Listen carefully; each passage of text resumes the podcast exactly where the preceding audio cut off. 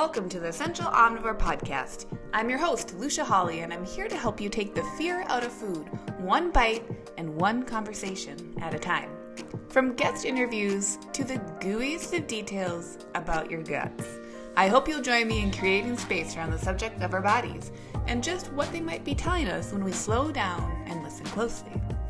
Remember that the information provided within this podcast is for general information and educational purposes only and does not provide medical advice, professional diagnosis, opinion, treatment, or services to you or any other individual.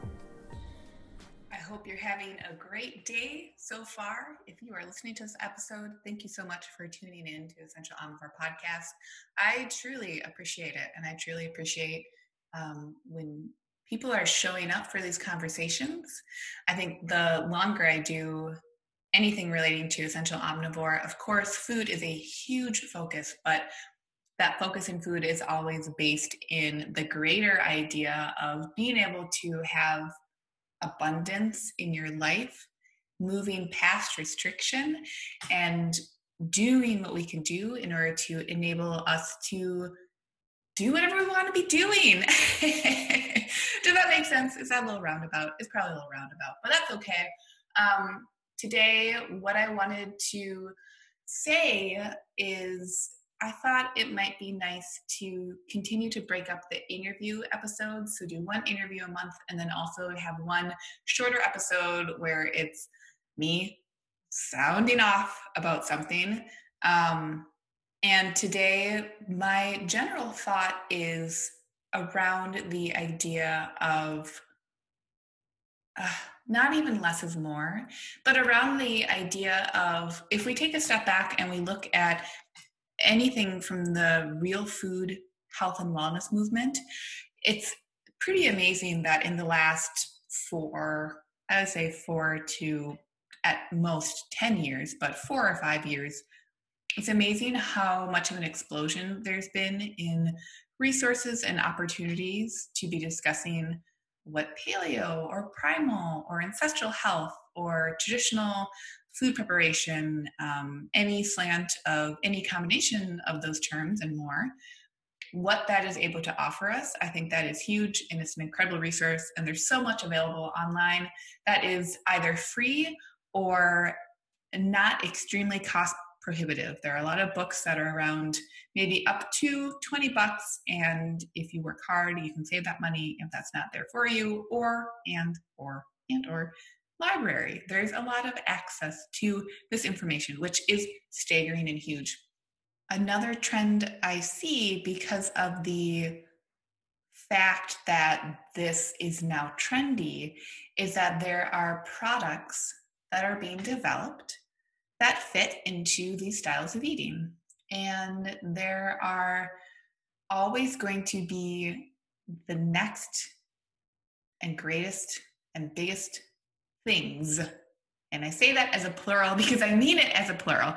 There's going to be the next biggest thing. And then after that, there's going to be the next biggest thing. And after that, and after that, and after that. And I see some decision fatigue that starts to happen because of that um, with just just in general with people whether it's collagen or it's fish oil or fermented cod liver oil or extra virgin um, cod liver oil or kale or Brussels sprouts or anything. I, there just seems to be this general sense of ricocheting from one thing to another thing.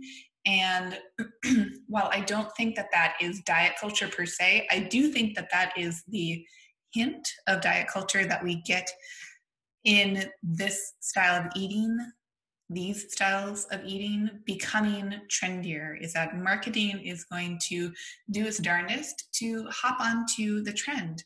And that can be a positive because if there's a vested business interest then that means that that trend whatever it's hopping into or onto is going to be expanding potentially to that many more eyes and ears um, so that's great.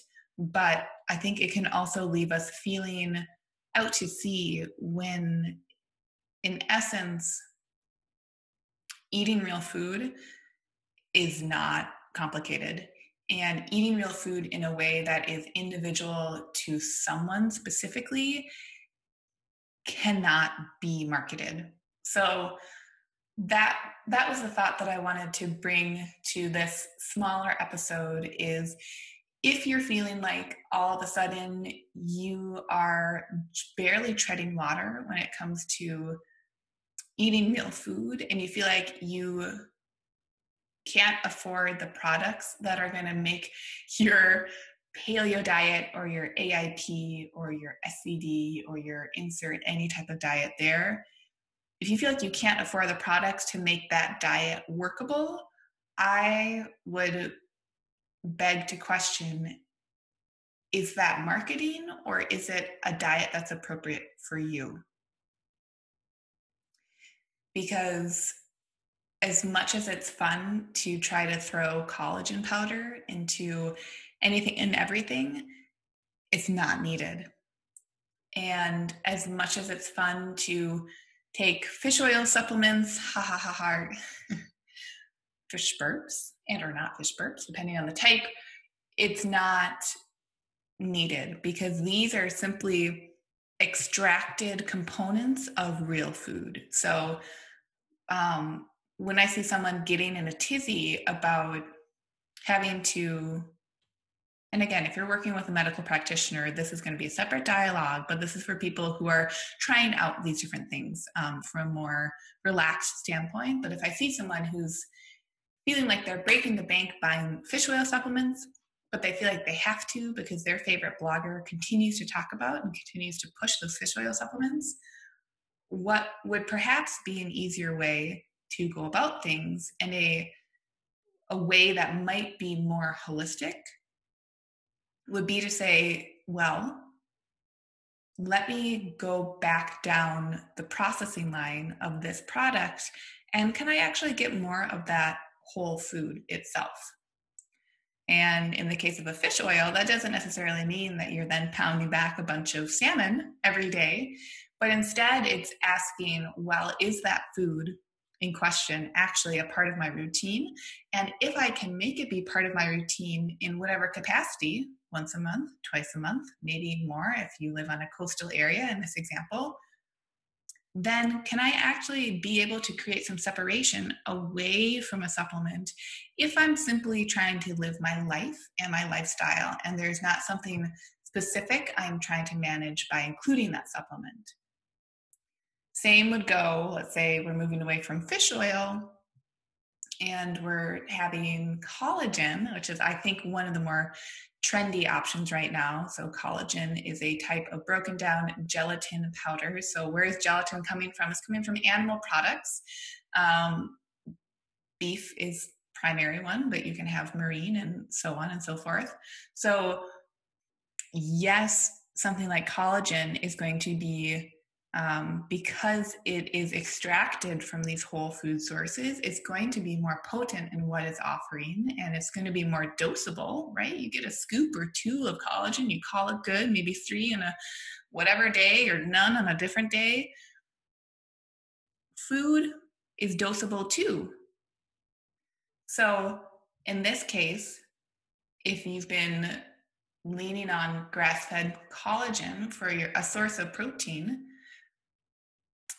let's just remember that that is coming from the animal product itself and it's coming from the connective uh, joint tissue. So uh, a way to make something that is more homemade that is fewer processing techniques and steps would be homemade bone broth I see people also get in a tizzy about some of their own homemade options being too high histamine. Histamine is also something that is it's a subject that's trending these days, which is good. I think it has to be trending because you see, again, people really pounding uh, different sources of foods that are considered some superfoods in the ancestral and traditional food circles, like fermented foods like sauerkraut or homemade kimchi, um, any fermented dairy or bone broth. Those are some biggies. But let's just, I think part of this conversation or idea is that more is not always more. And inclusion in and of itself is more. So instead of feeling like you have to pound back a bunch of collagen every single day in order to hit a protein macro number or in order to feel like you're getting a range of some of the amino acids but not all of them or in order to make sure you have the most perfect skin or hair and nails or you're trying to heal your gut can we flip that thought away from a product that is manufactured by a different company? And can we flip it to well, am I actually encountering the food that this is processed from to some capacity in my life?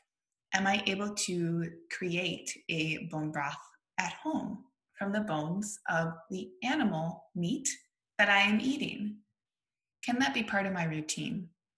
And my caveat here is that for people, the reason I brought up histamine is that I think people get really stressed out about bone broth these days because it's high histamine guess what? You can still get beautiful, uh, nutrient rich bone broth by a, a amount of cooking time that is much less. And that falls into that more must be more category where when someone's making bone broth, they're like, all right, I'm gonna be cooking it for 48, 72 hours. It's gonna be the best bone broth, and I'm only gonna drink it if it gels because then I know that there's that much gelatin in it, right? We can still be getting beautiful components from bones with a two to three, maybe four hour cooking time, or even less, depending on the size of the bones. Something like a fish bone is going to break down much more readily. And because of that, the histamine, the histamine levels in a quicker, more quickly cooked broth will be lower instead of the longer cooked option. So where can we break down those barriers to marketed real foods? Because those marketed real foods can offer convenience. And at the same time, they can also start to offer a way of thinking that can become stressful or it can become like we're having to keep up with the Joneses. And this is again, I think this message is a little bit more geared towards people who feel like they are maybe having to do this right, doing a paleo or doing an ancestral style of eating in the right way, which may be influenced by diet culture. And that makes a lot of sense because anytime a style of eating is becoming more well known, well, diet culture is going to have to accept it at some point. So they're going to jump on board and create different business opportunities around it so that they can start to profit from it. It makes sense. I think diet and uh, diet culture. There's a diet industry. That industry is in it for money, and that's fine. It get, it gets to do that. Businesses are businesses, and I don't think a business should have to necessarily apologize for wanting to make money.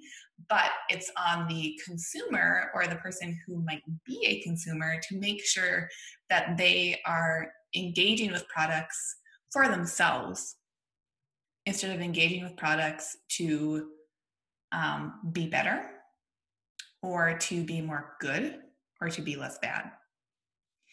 So that is my uh, shorter episode, just generally about navigating some products because we really are. I went to um, Paleo FX, which is a kind of Paleo Expo conference um, that's held yearly in Texas, and I went for the first time this past April.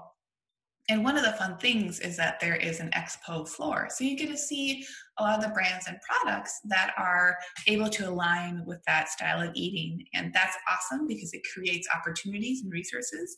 And it also, I think, with any pro, there may be a con that also comes along with it. So the con could be that we suddenly start to feel some decision fatigue where we're wondering if we're actually doing this. And this, in this case, means um, eating if we're doing this right or if we need the next new hyped up product in order to do it better or in order to make it more fun. And um, business, I think, will want to tell us what that is. And what I guess I'm trying to say here is that I invite people to actually hear what their body is saying. So, is it more fun to eat that product? Totally could be. And it also might be fun once in a while versus every single day. And that's the track that I think can be happening. So, hope that's helpful. Um, I think you're all great. Whoever is listening to this, you're great. And I hope you tune into the next episode because I I know who I'm interviewing. We have not had our conversation yet, but I'm pretty stoked to have them on here. And I think it's going to be a really awesome exploration into that person's story. So I'll catch you soon. Hey, thanks so much for joining along on today's episode. For full archives of past episodes, hop on over to essentialomnivore.com or subscribe to the Essential Omnivore podcast on Apple Podcasts or Stitcher.